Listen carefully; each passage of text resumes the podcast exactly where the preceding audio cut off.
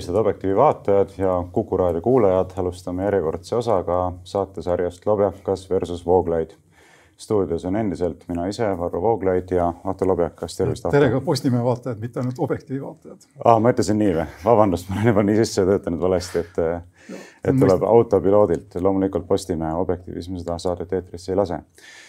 nüüd äh, tänases saates räägime kolmest teemast. Nendest esimene puudutab äh, koroonapiiranguid, mida on juurde tulnud ja ilmselt tuleb veel lisaks. teise teemana peatume küsimusel sellest, mida arvata Isamaa parlamendisaadiku Viktoria Ladõnskaja-Kubitsa poolt Postimehe veergudel väljendatud kartusest, et abielureferendum on ohuks Eesti julgeolekule ja kolmandaks peatume küsimusel sellest, mida arvata Donald Trumpi poolt kindral Michael Flynnile armu andmisest. jutt käib siis sellest samast kindralist, kes kohe pärast Trumpi administratsiooni ametisse astumist oli sunnitud ka sealt lahkuma või vähemalt siis kõrvaldati sellelt positsioonilt. aga alustame esimesest teemast, millest niikuinii muidugi palju räägitakse, sellepärast et see väga vahetult meie kõigi elukorraldust puudutab. koroonapiirangud ja sellega seonduvalt siis ka protestid ka nende koroonapiirangute vastu täna pärastlõunal teatavasti peaks toimuma Tallinnas Vabaduse väljakul ka meeleavaldus praegu kehtestatud piirangute vastu. kuigi tõtt-öelda omalt poolt võib-olla ava, avanguks ütlen seda, et minu meelest need praegused piirangud küll nii ranged ei ole, et nende vastu oleks tingimata tarvis juba meeleavaldusi korraldama hakata. et ma küll ei ole kõiki neid piiranguid pähe õppinud, sest need siin muutuvad ka, aga see, kui tuleb avalikes siseruumides kanda maski, siis ma ei näe, et see kuidagi väga palju meie elukorraldust muudaks, kõik saavad endiselt käia tööl, kõik saavad endiselt käia poes, teatris, kirikus. noh, põhimõtteliselt igal pool saab käia, polegi vist kohta, kus käia ei saaks, lihtsalt teatud kohtades tuleb mask ette panna ja noh, ma ei tea, iseenesest minu elukorraldust see küll nüüd väga palju ei mõjuta, ilmselt nende inimeste oma mõjutab natuke rohkem, kes igapäevaselt ühistranspordiga sõidavad. aga annan siin sõnajärje sulle. jah, selline nii-öelda anekdotaalne tõestusmaterjal või kuidas iganes seda eesti keeles kutsuda, see, mida inimesed silmaga näevad, eks, mis ei ole tingimata teaduslik, ütleb mulle, ütleme siis minu elukaaslase sõnade kaudu näiteks eile, et ühistranspordis ei kasutata maske. mis on ka omaette probleem või omaette küsimus, miks seda ei tehta ja näha on ka, et meie ostukeskustes ja just käisin bensiinijaamas, ei kanna kõik maske aga ma olen selles mõttes, ma olen kindlasti nõus sinu selle proportsionaalsuse mõttega. lihtsalt tahaksin paar sõna lisada. tänases olukorras, kui inimesed peavad maski kandma, aga kõik jääb nii, nagu ta on, siis elu iseenesest läheb edasi võrreldes kevadega. aga kui tekivad siin tõsised äh, liikumiskeelud, kohti hakatakse kinni panema äh, valitsuse või ütleme siis võimusunniga, inimesed hakkavad kodutööle jääma ja nii edasi, siis see alternatiiv on ju tükk maad halvem. teine asi, mida tasub rõhutada, mida tuleb rõhutada siin, on see, et inimesed, kes maskide vastu meelt avaldavad ja ma ei tea, üles tõusevad ja kõike seda, need inimesed, ma noh, kui nad mõtleksid natukenegi sammu või kaks kaugemale sellest, mida nad hetkel tunnevad, siis ma loodan vähemalt, et nad saaksid aru sellest, et mida, see, mille eest nad sisuliselt seisavad, eks on, on sisuliselt, ühesõnaga on, on ühiskond, mida juhtida ja kuidagi nagu ravida Google'i otsingumootorite abil, et kui sul on mingi häda, siis sa lihtsalt teed seda, mida sa arvad ja paremal juhul paned otsingumootorisse enda sümptomid ja arsti juurde sa ei lähe ega ekspertide käest, ekspertide käest ei küsi. ja see ekspertide poolt meile antud valem, no ükskõik, mis oli kevadel, kevadel me ei teadnud, mis toimus ja me võime selle üle rääkida, kevadel tehti vigu ka. aga täna on selge ja see on igal pool sama, Saksamaal, Prantsusmaal ja nii edasi, et, et haigus, kui teda ei kontrollita, levib geomeetrilises progressioonis. Eesti ja ka teiste riikide haigete ravimise võimekus on piiratud haiglakohtadega, rääkimata siin intensiivravikohtadest ja hingamisaparaatidest ja tänase kordaja jätkudes, kordaja on vist üks koma kaks, üks koma kakskümmend viis, ma kuulsin autoraadiost Tanel Kiike ütlemas. kui midagi ei tehta, siis selle kordajaga on meil jaanuari kusagil keskpaigaks, ma saan aru, haiglakohad kolmekordselt üle broneeritud. järelikult inimesed, suur osa inimestest, kes vajab haiglaravi, jäävad lihtsalt koju ilma ravita ja see on midagi, mida riik ei tohiks lubada ja, ja mille osas ma loodaksin ühiskondlikku solidaarsust nojah, eks äh, siin nüüd tõusetub palju küsimusi, millele võib tähelepanu pöörata ja kui nüüd kõiki neid küsimusi hakata käsitlema, siis me oma ajalistest piiridest kindlasti väljume, nii et mingisuguse valiku peab tegema, aga ma kommenteeriksin võib-olla sinu poolt öeldud sedapidi, et äh, ilmselt need, kes protesteerivad ka maskide kandmise kohustuse vastu, ei käsitlegi maskide kandmist või siis selliseid nii-öelda lockdown'e ehk ühiskonna lukku panemist äh, ainsate alternatiividena. ma kujutan ette, et nende nagu argumentatsiooni taustaks on pigem see arusaamine, et ei ole tarvis ei ühte ega teist, eks, mitte nii, et valida, valida tuleb kas ühe või teise vahel ja ma ei tea, kas see nüüd tõele vastab või mitte, eks, et see on eraldi küsimus, aga, aga ma ei usu, et nende mõttemudel ainult niimoodi binaarselt toimib, sest sellisel juhul ei oleks sellel üldse mõtet. no aga siis vaata, vaata punkt kaks ehk haigla võimekus meil. jah, ja no ilmselt peab siis sinnapoole vaatama aga mis nüüd puudutab haiglate võimekust, siis jällegi me räägime, eks ole, mingisugustest prognoosidest, et sa ka just mainisid, eks selleks ja selleks ajaks on meil sellisel juhul nende prognooside kohaselt nii ja nii palju inimesi haiglates, eks. ma arvan, et inimestel on mõnevõrra keeruline selliseid argumente nüüd väga tõsiselt juba võtta, kuna kevadel nägime, et kõik need argumendid, mis esitati, ei vastanud tegelikult tõele, ei realiseerunud need ohud, hirmus suuri numbreid käidi ikka välja, et kui me nüüd ei pane ja ei tee ja ei tee, siis me läheme ikka nii. Ja isegi kui me paneme, nüüd me läheme ikkagi üle selliste piiride, eks noh, Saaremaal toodi sõjaväehaigla välja, mis seisis seal vist paar kuud tühjana põhimõtteliselt ja nii edasi. et kui juba korra on hirmud niimoodi hästi üles köetud ja need pole realiseerunud, siis järgmine kord on palju raskem saavutada seda, et inimesed uuesti aktsepteerivad seda, et jah, kui me nüüd ei tee, et siis hakkavad juhtuma igasugused asjad. nüüd, kas need asjad hakkavad juhtuma või ei hakka, mina ei saa seda ütelda, sellepärast et ma ei ole piisavalt asjatundlik, eks. aga ma saan küll osutada sellele, et niimoodi toimuvad, ilmselt toimivad sotsiaalpsühholoogilised protsessid, et usaldus igasuguste ettekuulutuste suhtes kahaneb sellistes tingimustes. kevade kohta, kui ma nüüd õigesti aru sain ja mäletan, siis see neljateistpäevaline kordaja, mida, mille, mille, mille järge näppu kaetakse meil ja ka mujal siis sada tuhat inimest ühesõnaga, palju on nakatunud saja tuhande inimese kohta mingi neljateist päeva keskmisena. Saksamaal see on seitsme päeva keskmine, aga suurt vahet seal ei ole kellelgi. igal juhul see oli kusagil kuuskümmend meil ja praegu on üle kolmesaja et, et see, mis kevadel oli, on tänasega võrreldes lapsemäng, mulle tundub, ja see number võib siin kõvasti veel tõusta. ilmselt tõusebki. ja kui mul, mu mälu ei peta, siis me kevadel sellest rääkides olime ka nagu nõus või ütleme, põhimõtteliselt nõus sellega, et me oleme või valitsus või võimud või ühiskonnad on seninägematu väljakutse ees ning noh, eksida nii-öelda turvalisuse poole ei ole iseenesest halb ja ma seletaksin kevadet sellega mis kevadel toimus. ja see, mis praegu toimub, ausalt öeldes, noh, selle üle peaks juba kontroll palju varem olema ja ja ma ütleksin, et numbrid ei valeta, statistika siin nende nakatumisjuhtude puhul on üsna ühene ja need, nende kordajatega mängimine. Tanel Kiik ütles vist, et kui seda null koma kakskümmend viis protsendipunkti maha ei saada ehk null koma üheksa peale või sinnakanti, siis äh, riigi võimekus ei pea vastu ja tahate vaielda, võite vaielda, aga ma usun, et suurtes piires, isegi väikestes piires see, mis ta ütleb, on õige, on õige ja vaieldamatu. aga ma selle usalduse sõna peale, mul turgatas see mõte, et meil on siin tegelikult tegemist paradoksiga. Lääne-Euroopa riikides, kus on sarnased protestid valitsuste vastu, on valitsused muidugi noh, sinu mõistes või ütleme siis paljude mõistes liberaalsed, isegi kui nad on konservatiivsed nagu Merkeli oma. aga protestijad on siis inimesed, kes kipuvad valitsust kahtlustama noh, üle väljaku igasuguses pahatahtlikkuses, mitte ainult siin vaktsiinidest rääkides või sellest, ütleme maskidest rääkides, vaid ka vaktsineerimisest räägitakse Saksamaal.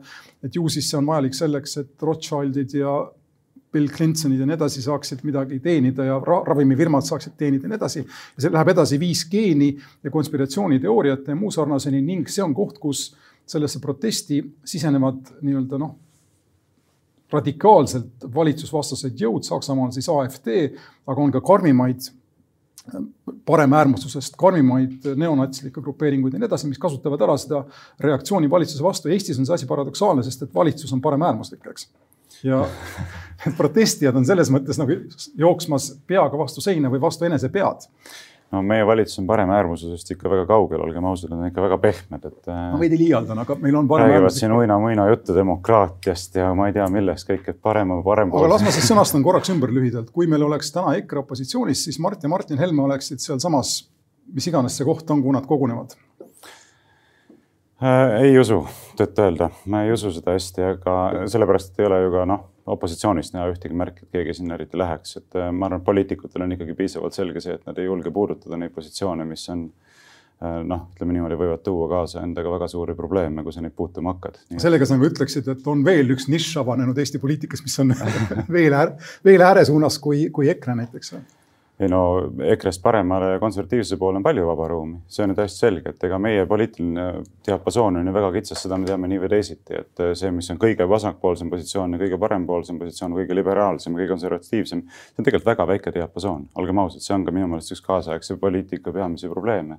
et igasugune jutt äärmustest, kui me räägime, ütleme saja punkti skaalal diapasoonist, mis paikneb seal, ma ei tea, kümne, kahekümne punkti raames keskel kuskil, ei ole eriti mõttekas, aga see selleks aga oota, mis see oligi, mida sa mainisid? ja ma olen sinuga selles mõttes muidugi nõus, et voodikohad haiglates on palju objektiivsem kriteerium kui kõikvõimalik nakatunute arv ja noh, surmade arv on ka objektiivsem kriteerium, kuigi siin pole päris selge, eks, et mida nende koroonasurmade all ikkagi silmas peetakse aga mis minule ikkagi silma torkab kogu selle temaatikaga seonduvalt ja ma kordan veel kord üle, et ma ei ole selles mõttes asjatundja selles valdkonnas ja ma ei esita mingeid tugevaid väiteid sellega seonduvalt, kas, mida sellest nüüd kõigest arvata niimoodi teaduslikul tasandil aga mis kogu seda kultuurilist olukorda jälgides mulle silma torkab, on ikkagi sellised äh, selgelt ka massipsühhoosi ilmingud, mis äh, silma torkavad, et inimesed ikkagi lähevad järjest kurjemaks seda koroona teemat äh, käsitledes, järjest rohkem on näha konflikte erinevate inimeste vahel, ka nende vahel, kes muidu saavad hästi läbi.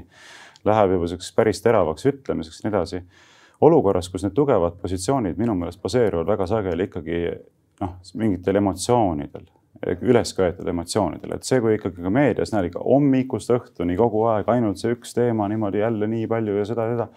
on näha, et see toimub, see emotsionaalne, emotsionaalne laeng, mis inimestesse antakse ja see toob kaasa sellise noh, hoiaku, mida ma ei oska enam kuidagi ratsionaalsena, ratsionaalseks pidada, näiteks kui ma sinugi käest küsin ja sa oled kõvasti paremini informeeritud inimene kui keskmine Eesti elanik, eks.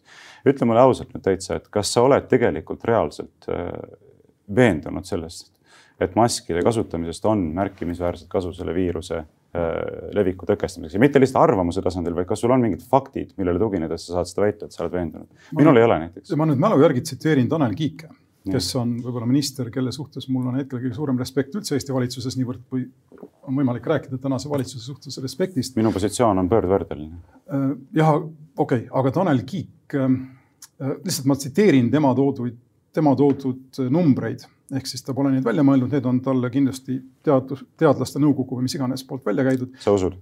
Äh, ma ei, kui sa küsid, kas ma usun, siis see on nagu ma küsiksin sult, kas sa usud jumalasse. no küsi, küsi, usun küll. ei, seda küll, aga noh, see tasand on hoopis teine, eks, aga mida ma tahan öelda, on see, et veidikene kunagi statistikat õppinud inimesena äh, tunduvad need asjad mulle tõenäolistena ja mida ma, kuhu ma tahtsin jõuda, on see, et Tanel Kiik ütles selles samas äh, intervjuu jupis, mida ma autoraadiost kuulsin, et maski kandmine kataks sellest ühe koma kahekümne viieni jõudnud kordaja langetamisest null koma üks protsendipunkti.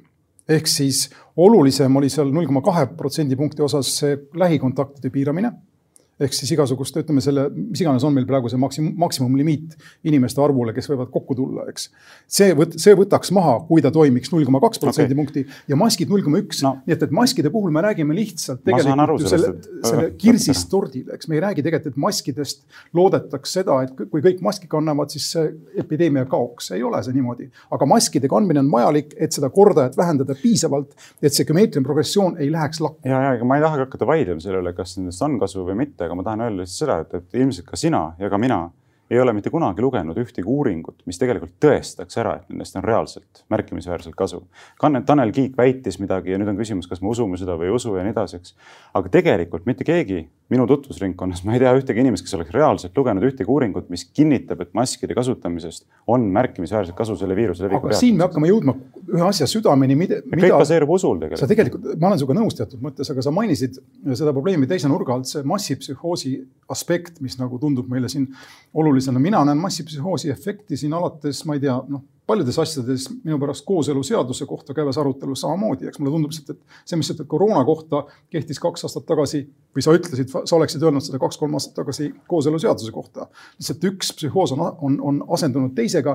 küsimus nüüd erinevalt mass, erinevalt kooseluseadusest, koroona puhul on tegemist meditsiinilise probleemiga ning siin kehtivad teaduslikud argumendid viisil, mis Just nad ei viisil, kuidas nad ei kehti kooseluseaduse puhul, eks. ja kuhu ma jõuda tahan, on see, et kui sa ütled mulle, et sa ei tea inimesi, kes on noh, näinud uuringuid ja nii edasi, siis mina küsin sult vastu, palju on sinu tutvusringkonnas inimesi, kellel on vastav haridus, et sellised uuringud, ütleme, selline uuring läbi lugeda ja aru saada tead-, teadlasena sellest, mis seal kirjas on mm., osata seda materjali analüüsida ja hinnata teadlasena, sest tegelikult see on see, mis on vajalik ja ausalt öeldes, kui me ka antud juhul ühiskonnana ütleme, et ei, me ei usu eksperte ja nii edasi ja räägime siin mõistlikkusest nagu õiguskantsler, see on asja veel üks absurdseid pooli, kui on üldse Eestis üks inimene või kaks inimest, kes võiksid minna nende tänaste meeleavaldajate ette äh, loosungitega skandeerima või neid taga või ütleme noh, neid veel taga kihutama, eks siis on see Ülle Madise ja, ja äh,. Allar Jõks. Allar Jõks jah, mis on tegelikult omaette probleem, miks need inimesed, miks neil on probleem maskide kui sellisega? no siin pean, ma ei ole küll Allar Jõksi fänn, aga ma pean selles mõttes tema kaitseks välja astuma, et et tegelikult millele tema tähelepanu osutab, on see, et riigivõimu tuleb teostada kooskõlas seadustega. et ta ei ütle ju, et maski ei tuleks kanda või et selliseid piiranguid ei tuleks kehtestada, nagu on kehtestatud. aga iseenesest see osutus ju, et me ei tohi nagu tallata sisse sellist praktikat, kus kehtestatakse valitsuse poolt piiranguid, millel puudub seaduslik alus, ei ole iseenesest hea et nii palju, kui mina temast aru olen saanud, on see, et ütleb, tuleks muuta seadust sellisel viisil, et täpselt neid samu piiranguid, mis praegu on kehtestatud, saaks teha seaduse kohaselt, eks. aga selle kohta ütleb. sellist pretsedenti meil tegelikult ei ole vaja, valitsus aga... paneb meile piiranguid, aga. see kõik on õige, aga selle kohta ütleb Ülle Madise, et minge kohtusse ja tänases olus, tänastes oludes on tegemist valitsuse või ütleme noh, võimude poolt soovitava sellele vastu tegutsemisega. ja see on minu, see, see on see, mis on minu jaoks vastutustundetu. olgu seaduslikult ei ole asi jokk, see on selge, juriidiliselt ja, ei ole kõik korras. aga, no, aga fakt on jällegi, nii palju, kui ma tunnen. inimesed saavad sellest veel kütet juurde, eks aga nii palju, kui ma tunnen Ülle Madisat, ma arvan, et tema, ta muidugi rääkigu endast ise, eks, aga ma arvan, et tema motiiviks on see, et osutab, et tegelikult ongi vaja teaduslikke fakte ja tõestust selle kohta, et need meetmed, mida rakendatakse, ka reaalselt on põhjendatud ja tõhusad, eks. ja vaata, sa enne ütlesid, et kui palju neid inimesi meie tutvusringkonnas, kes suudavad ise lugeda teadusuuringuid ja analüüsida neid ja teha nendest korrektsed järeldused ja nii edasi. ilmselt mitte palju, aga siin ongi koht, kus ajakirjandusel oleks roll, eks näiteks ERR-il on oma teadusportaal ja Postimehel on ka ilmselt ajakirjanikud, kes suudaks seda teha no aga tooge siis lugejate ette lihtsustatud kujul, juba läbitöötatud kujul, kergemini arusaadaval kujul nende uuringute tulemused, mis näitavadki faktiliselt ära, et näed, maskide kandmisest reaalselt ongi kasu. sellepärast, kui me vaatame, ma lõpetan mõtte ära, et kui me vaatame neid fakte, mida me näeme teistest riikidest, siis nendes riikides, kus on olnud ju pikka aega maski kandmise kohustus, on koroonaviirus nagu täiesti palju ulatuslikumalt levinud, siin Hispaania, Itaalia, eks mis siin on, Belgia, teised riigid, ma täpselt ei tea, mis piirangud kuskil on. aga kui niimoodi anekdootlikult vaadata, no anekdootlikult selles mõttes vaadata lihtsalt fakte, mis kuskil toimub, eks. siis ei nähta nagu faktide pinnalt, et nendega andmise kohustus universaalsena kehtestatuna väga palju nagu olukorda muudaks paremuse poole. kaks märkust, üks on see, ja ma lihtsalt kordan seda tähelepanekut ja sa oled ka sellega nõus olnud aeg-ajalt, eks. point on, meil on mingi kuus või kaheksa kuud olnud seda koroonaviirust ja selle aja jooksul ilmselt ei ole olnud võimalik mingisuguseid uuringuid noh, ütleme siis kõike tõestavaid uuringuid läbi viia. ja teatud mõttes loomulikult on inimesed, kes teevad neid otsuseid pimedas, aga tõenäosus ikkagi oskavad teadlased või eksperdid hinnata paremini kui inimesed, kes guugeldavad seda, mis neil on või mis neil ei ole, eks no.. Sorry, aga see, see, see, see point äh, jääb. Äh, ja teiseks, äh, oli teine point veel, aga niipea kui ma nummerdan, siis kohe läheb ka otsa ei no ma olen selles mõttes nõus, et tähendab, mida ma tahtsin öelda, ma tahan öelda seda, et aga öelgemgi siis inimestele, et tegemist on usuaktiga. me ei teagi tegelikult, kas sellest kasu on või mitte. ei, ta on informeeritud usk, inglise keeles on ka siuksed sellised sõnad informed guess, informed uh, projektsioon, ta ei ole usk. ta on, kui sa oled midagi varem näinud, minu pärast talumehena teatavad ilmastikuolud ütlevad sulle, et tuleb vihma, eks mm. -hmm. tingimata ei pruugi tulla, aga sa oled seda varem näinud, sul on mingi kogemus. mina tahan sellele viidata. nojah, aga siis näitage mulle nüüd varasemaid kogemusi, mille pinnalt on tõestatud, et nende maskide universaalne kandmine takistab viiruse levikut märkimisväärselt. ah soo, mulle tuli meelde see teine point ja see on tegelikult sulgudesse, ma tahan seda panna, kuna ma olen Belgias elanud. Belgias ja üldse lõuna, Belgia on suhteliselt nagu ütleme, lõuna-euroopalik maa, kaasa olla Prantsusmaa, kalli ja kultuuri mõju all olnud ja Itaalia ja Hispaania kuuluvad sinnasamasse. seal on sotsiaalne suhtlus hoopis teist nägu kui meil ja kontakt, füüsiline kontakt on palju harjunum inimestele mm.. Belgias näiteks äh, oli enne seda viiruse levikut traditsiooniks kolm põsemusi, kes iganes kohtusid tuttavad või mitte, eks. ma saan aru, et nüüd on seal kuidagi. nüüd on ainult kaks. kui ma, kui ma, kui ma ei eksi, siis seal on vist niimoodi, et igal inimesel tohib olla üks musitatav nüüd ainult, midagi sellist. Midagi, aga. ränk kodanikuvabaduste piiramine. aga Urmas Paet jah kirjutas kusagile, et näed, augustist alates kuni oktoobri alguseni on maske kantud Belgias, aga ometi on see kordaja neli tuhat kuussada meie kolmesaja vastu mm.. aga ma lihtsalt tahan öelda, et, et, et jällegi noh, statistika ei ole ainult. sa, sa ei mõõda ühte telge, sa, sa, sa, sa pead mõõtma kõiki telgi no et mina jällegi tahan omalt poolt öelda, et ma ei taha artikuleerida siin sugugi seda positsiooni, et maski tuleks kanda, kui ma lähen ise avalikku kohta praegu siseruumis, ma panen ka maski ette. aga ma lihtsalt räägin sellest, et millisel juhul oleks need argumendid palju veenvamad. et tulekski tuua reaalsed faktid, mis aga... inimesi, oota, ma tahan oma mõtted väljendada, muidu mul läheb käest ära, et, et see asi oleks kõigepealt selge. aga teine asi, mida ma tahaksin rõhutada, on see, et kogu see emotsionaalne ülesköetus, millest ma ennem hakkasin rääkima, on ohtlik, kuna inimesed äh, juba räägivad sellist juttu, mille puhul on näha, et äh, ratsionaalsus on kadunud. ma vaatasin Postimehes oli siin avaldatud kellegi Kaidi Tuisk Ferreira artikkel, hetkel on piinlik olla eestlane. mis on muidugi omaette huvitav, kuidas alati see piinlikkus oma rahvuse kuuluvuse pärast väga kergesti. miks hetkel, miks mitte kogu aeg? ja, ja sinul on kogu aeg, seda me teame. aga juba artikli alguses on toodud välja kolm punkti, kuula nüüd neid punkte. siin saadakse aru, et kui mask võib päästa elusid, siis see on vajalik, võib päästa. Teiseks, tõenäosus, et mask võib kellegi elu päästa, on suurem kui null. kolmandaks, kõik, mida sa saad teha selleks, et kellegi elu päästa, sa peaksid seda tegema. nii, see ei ole ratsionaalse inimese jutt vabandage väga. utilitaarne filosoofia. see on aga... nagu need eksperimendid, et kui sa, et kui on rong, kes, mis tuleb sinu suunas ja sul on valik, kas päästa ennast või viis last, kes ja. on selle tee peal. Need on niisugused absurdsed situatsioonid. kõik, mida sa saad teha, et päästa kellegi elusid, seda sa peaksid tegema. no siis vabandust, minge keldrisse, pange ennast lukku, istuge seal järgmised kolm kuud, eks. ärge autorooli istuge mitte kunagi, eks, sest nii kui sa istud autorooli, see on potentsiaalne oht kellegi eludele, järelikult autoliiklus tuleks ära keerata. kui me hakkame sellistest terminitest seda avalikku arutelu pidama, no siis on juba tegelikult mõistus kadunud pildilt. ja, aga see on iseenesest see mõte mõttekäik on õige, lihtsalt ta natukene utreerib ja viib selle asja absurdini, aga, aga on ju olukordi, eks, kus meil on, no ma ei tea, kui keegi oleks Marie Curie'le öelnud seal kahekümnenda sajandi alguses, eks, et see radooni või raadiumitükk, mis ta taskus kannab, on ohtlik ja noh, võib-olla oleks informeerinud teda, eks oleks Marie Curie, mis ta on siis kiiritussurma asemel elama jäänud, eks. täna on tegemist sarnase olukorraga, ma lihtsalt ei tea, kui ohtlik on midagi, aga tõenäosus on, et maskide kandmine annab mingi, ütleme, kümneprotsendise no. tagasilöögi sellele viirusele. meil on usk sellele. usk võib-olla küll või usk, ma, ma nimetan seda ikkagi rohkemaks kui usuks, aga mida ma tahan öelda, siin me vist oleme nõus üksteisega. see on see, et mask iseenesest, kui nüüd astuda kaks sammu tagasi, mis on probleem maskiga, kui sa seda endale, kui sa selle endale osta jõuad ja pähe panna saad, eks see ei võta sult midagi ära. jutt, et hakatakse ära võtma kodanikuvabadusi ja tegemist on mingisuguse libeda nõlvaga, nagu öeldakse, kust edasi valitsus hakkab sind äh, taga kiusama, see on absurdne.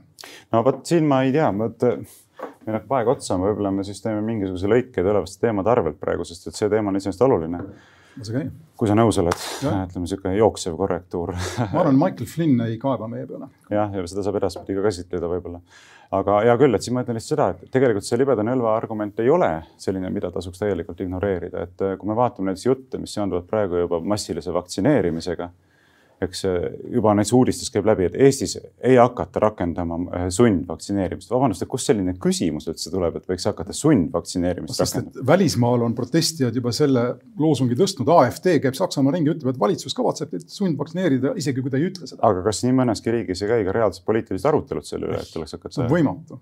No, no, aga siis tuleks ka deklareerida seda inimestele, et me garanteerime nii opositsioon kui valitsus kui kõik, et Eestis on täiesti võimatu jõuda punkti, kus me võiksime hakata rääkima mittevajaliku deklareerimine paneb selle agendasse, see meenutab mulle veidikene möödunud võtaks pinged maha, noh. see on nagu selle abieluga, et me ei a... hakka homoabielu seadustama, paneme abielu põhiseadusesse. ma toon sulle teise näite, eelmise saate nagu jätkuna prokuratuur andis välja, tweetis selle ajakirjanduse jälgimise osas, eks, et, et, et uurimine näitas, et ajakirjanikud ei kasut-, ei ületanud seaduse piire, aga ajakirjandus, järgmine lause oli, et aga ajakirjandus peab nagu teisedki jälgima, jälgimisel seaduse piire. täiesti mõttetu lause, aga ta pani põhimõtteliselt ikkagi uuesti selle kella külge selle, et ajakirjandus peaks olema ettevaatlik. kui sa hakkad ütlema, valitsus tuleb välja, ütleme Jüri Ratas või Tanel Kiik tuleb, ütleb, me ei hakka kedagi sundvaktsineerima, siis järelikult me ise ju nii-öelda reverse engineering uga jõuame järeldusele, et järelikult arutati. kui arutati, järelikult on võimalik aga noh, sellepärast ei saagi öelda, et keegi ei aruta no,. sõltub kommunikatsioonist seda öelda, et me ütleme seda ainult sellepärast, et võtta maha igasugused valelikud kuulujutud, mis väidavad vastupidist või ütlevad, et võivad olla,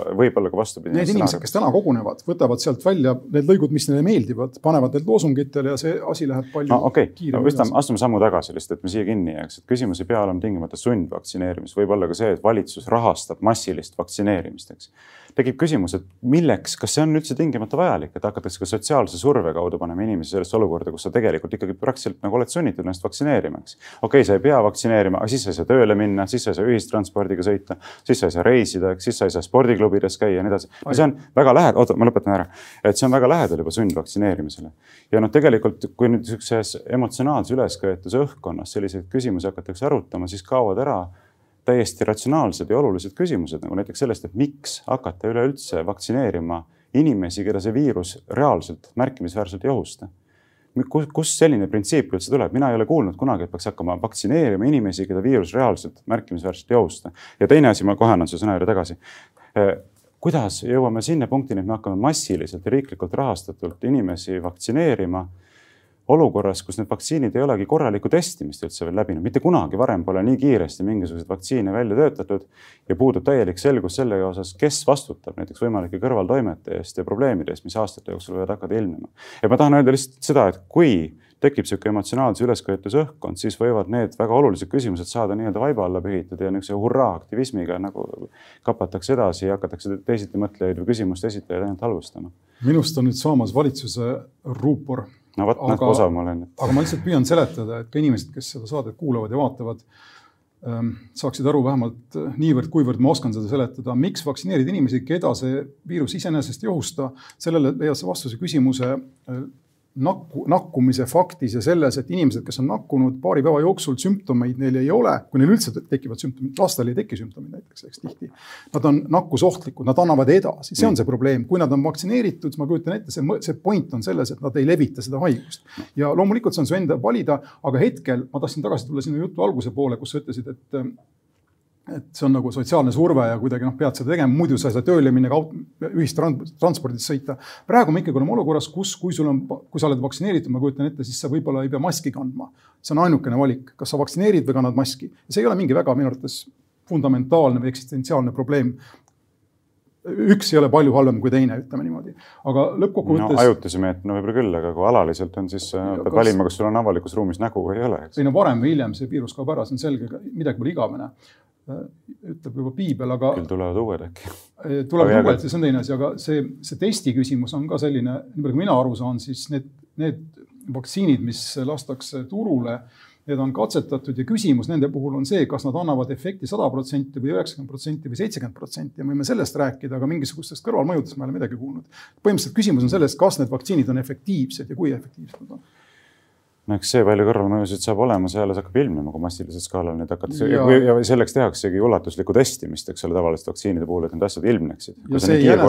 kui me läheme vaktsiinide ja kõrvalmõjude ja autismi ja muu sarnasega, on muidugi väga sügav, eks see on üks nendest psühhoosidest, mis tegelikult võib-olla toidab seda asja kõige rohkem praegu. no aga see on tingimata psühhoos, see on minu meelest igati ratsionaalne probleem, tähendab ratsionaalne no, probleemi püstitus. ükski teaduslik uuring, nii palju kui mina aru saan, pole näidanud seost vaktsiinide ja autismi vahel, aga nii palju, kui ma seda ütlen, ma tean, siin on inimesed, siin on tuhandeid inimesi, kes on nõus tulema hangudega no, välja muidugi ka väidad vastu väitele, mida mina pole esitanud. ja seda küll, aga ma tahan öelda seda, et kui midagi üldse kütab inimesi üles, siis maskid on lapsemäng võrreldes, kui ma õigesti aru saan no., vaktsiini vastastusega. aga no lihtsalt tagasi hüpates natukene on see, et see libeda nõlva argument ei ole puhtalt emotsionaalne, et siin on igasugused digitaalsed immuunsuspassid, mida võidakse hakata no, kehtestama. aga maskid ei ole, maskid, mis esiteks ei olegi vist minu arvates seadusega nõutavad, eks see on see probleem valitsus on öelnud, et tungivalt, tungivalt. praegu nõutavad. praegu nõutavad, olgu, aga mask liikumisvabadus, reaalselt vabaduse piiramist, et sellest ma saan aru, mask ei ole vabaduse piiramine, ütleme siis niimoodi juriidiliselt.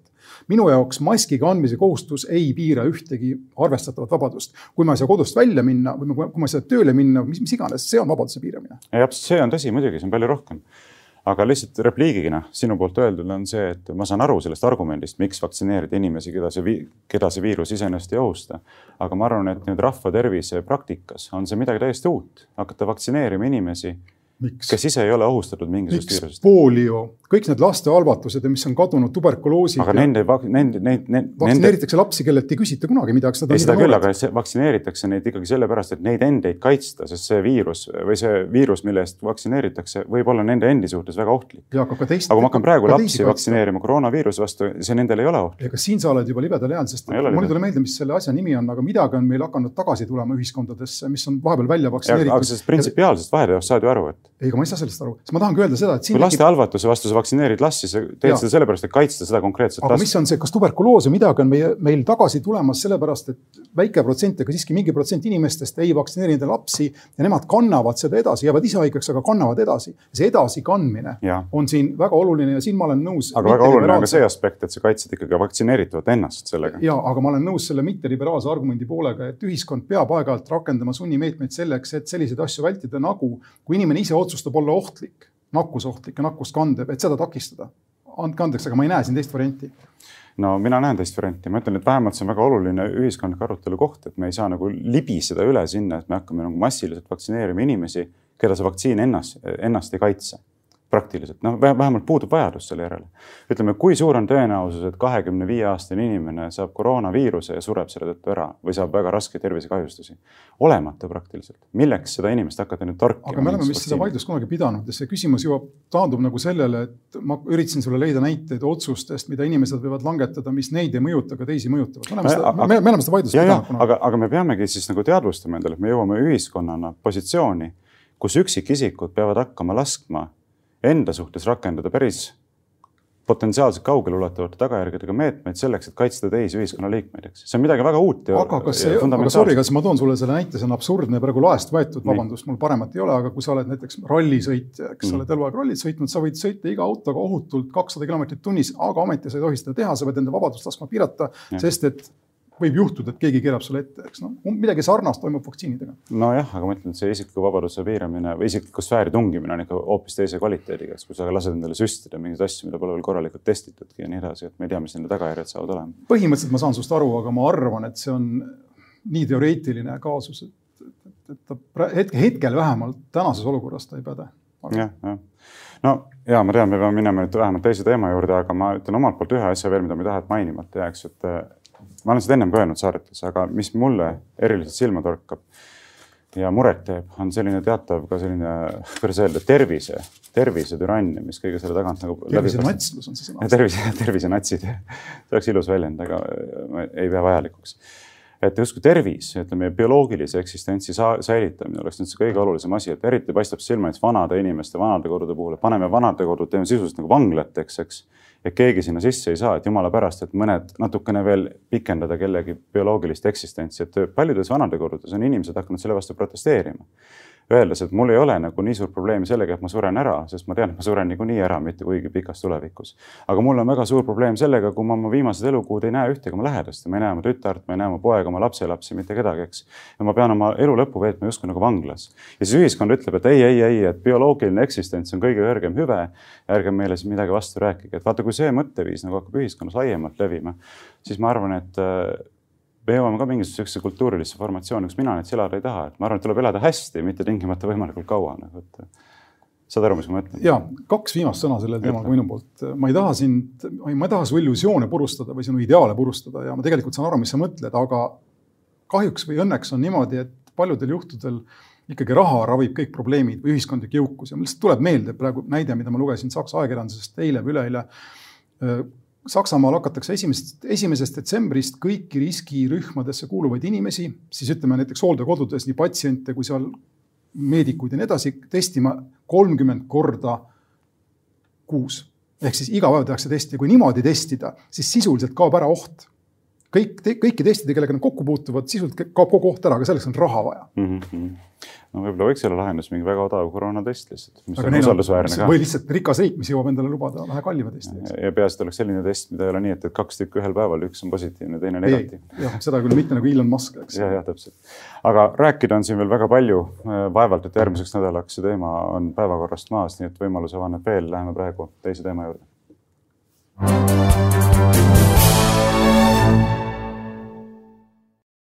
ja teise teemana, nagu saate alguses välja käidud, peatume Viktoria Ladõnskaja-Kubitsa poolt Postimehes avaldatud artiklis väljendatud seisukohal, et abielureferendum tuleks ära jätta, kuna see on ohuks Eesti julgeolekule. no ma ei tea, kui äh, veenev see argument sinu jaoks on, aga minu arvates oli see argumentatsioon äh, allapoole igasugust arvestust, et ma olen ausalt öeldes natukene isegi üllatunud, et äh, et sellise kvaliteediga argumentatsioon ületab äh, avaldamiskünnise. Äh, esiteks on muidugi mulle täiesti ebameeldiv see, kuidas hakatakse järjekordselt niimoodi kaudselt vähemalt vehkima selle Vene kaardiga, noh, kes see teine ikka seda Eesti julgeolekut siin siis nii väga ohustab, eks, kui mitte, kui mitte Venemaa, nagu me oleme, nagu meil on pikka aega selgeks tehtud. ja teiseks äh, väita seda, et referendumi korraldamine esimest korda seitsmeteistkümne aasta jooksul riigis, mis peaks põhiseaduse kohaselt olema demokraatlik ja lähtuma demokraatia ideaalist, on midagi niivõrd kohutavalt ühiskonda lõhestavat ja tülli ajavat, et seda ei tohiks endale üks demokraatlik riik üleüldse lubada. no püstitab minu jaoks vähemalt küsimuse, et kas me siis üleüldse tohime endale demokraatlikku riigikorralduse ideaali lubada, sellepärast et ega valimised ka ju ikkagi vastandavad inimesi ja tekitavad konflikte ja seal on võitjad ja kaotajad ja nii edasi, et võib-olla me peaksime siis jõudma sinnamaani välja, ütleme, et me oleme lihtsalt nii hapras julgeolekuolukorras, et Eesti ei saa omale demokraatiat lubada, et peame kehtestama, ma ei tea, sõjaväelise diktatuuri või midagi sellist, kus ei oleks võitjaid ja kaotajaid ja vastandusi ja konflikte ja nii edasi.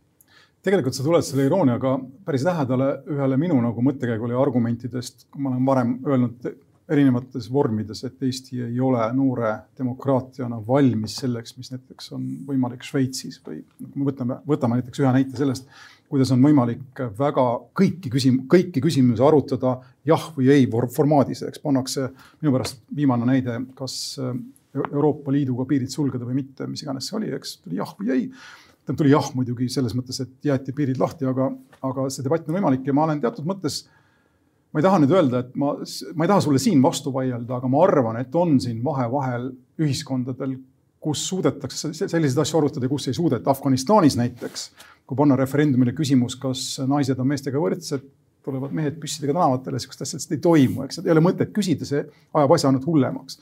ja noh, Eesti on siin kusagil Suurbritannia ja Afganistani vahepeal. aga äh, ma olen sinuga nõus selle sinu selle argumendi, ütleme Eestile täna kehtiva osas ehk siis see ühtsuse motiiv on midagi, mis mulle on äärmiselt vastukarva olnud ja on olnud päris pikemat aega. ma siin kuulan sind ja lugesin seda, ühesõnaga, ma analüüsin Viktoria Ladõnskaja-Kubitsa argumentatsiooni, siis mulle tuleb äh, esimese asjana meelde jutt sellest, kuidas Eestil peab olema üks välispoliitika. järelikult mingit välispoliitilist debatti meil käia ei saa ega olegi saanud viimased kakskümmend viis aastat. ma ei ütle, et nüüd olukord palju parem oleks selle, selle debatiga, mis on tekkinud, aga iseenesest selle ühtsuse juured on, on, on, lähevad väga kaugele tagasi. Reformierakond kogu kahe tuhande kümnendate ütleme viimase kümnendi jooksul, eks, kui ta võimul oli, rääkis sellest, kuidas usaldus institutsioonide vastu peab olema ühtne. usaldus kas just valitsuse vastu, aga ütleme kõik need institutsioonid, kaasa arvatud e-valimised ja muu sarnane. kõik, kes selle vastu olid, õõnestasid riiki mm -hmm. ja riik on kõige tähtsam asi, mis meil on, eks ja nii edasi, see riigi vastasus tekkis kohe sinna sisse. ja kausale siis kooseluseaduse puhul on täpselt sama, eks inimesed, kes kooseluseadust ei taha, ei tahtnud ja selle vastu on, ütlevad, et see lõhestab ühiskonda.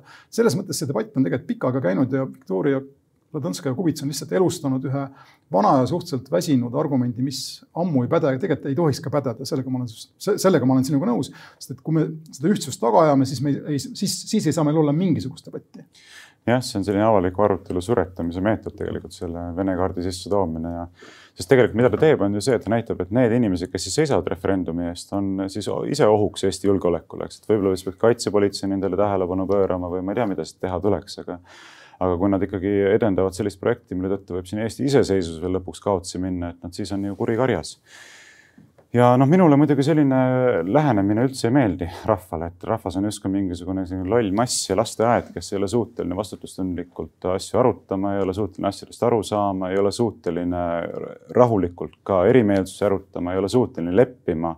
Et enamus otsustab, ei ole suuteline leppima selle otsusega, mis nüüd ütleme, mille enamus siis langetab, aga millega nad ei nõustu. ma ei arva, et selline kuvand Eesti rahvast on üldse kohane. ja, ja noh, mulle tuleb meelde see, mida Jaak Valge kirjutas äh, vastuseks Ladõnskaja Kubitsale, kui sa lubad, ma lühidalt tsiteerin, see oli minu meelest nii kujuka, kujundlik. ütles nõnda, et küllap tunduks nii Ladõnskaja Kubitsale, Kiislerile kui ka sotsiaaldemokraatidele üsna koomiline, kui parlamendi mõne komisjoni esimees või Riigikogu esimees mõne küsimuse puhul teataks, et ta neid hääletusele ei pane, sest see ajab rahvaesindajad omavahel tülli ja polariseerib Riigikogu täpselt sedasama aga nõuavad nad ühiskonna puhul, nagu oleks ühiskond erinevalt rahvaesindajate kogust väike laps, keda probleemide ja otsustamise eest hoida tuleks, sest see võiks teda frustreerida. Ehk on tegelikult selle hoiaku taga tõepoolest ühiskonna pidamine lapseks, kellele otsustusõigust anda ei saa, kuna siis võib ta edaspidigi soovida otsustada, aga võib hakata jutumärkides valesti otsustama.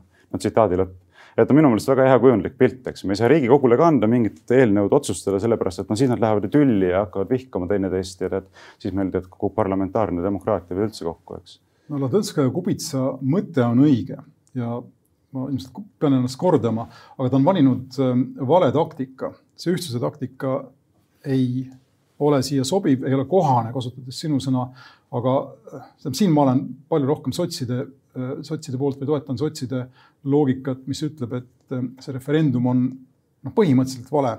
me rääkisime sellest möödunud saates ja ma pikalt ei hakka siin juba rääkima, aga selliseid küsimusi ei tohiks panna enamuse otsustada, ehk siis vähemuste õigusi, vähemuste õiguste üle ei tohiks enamused otsustada.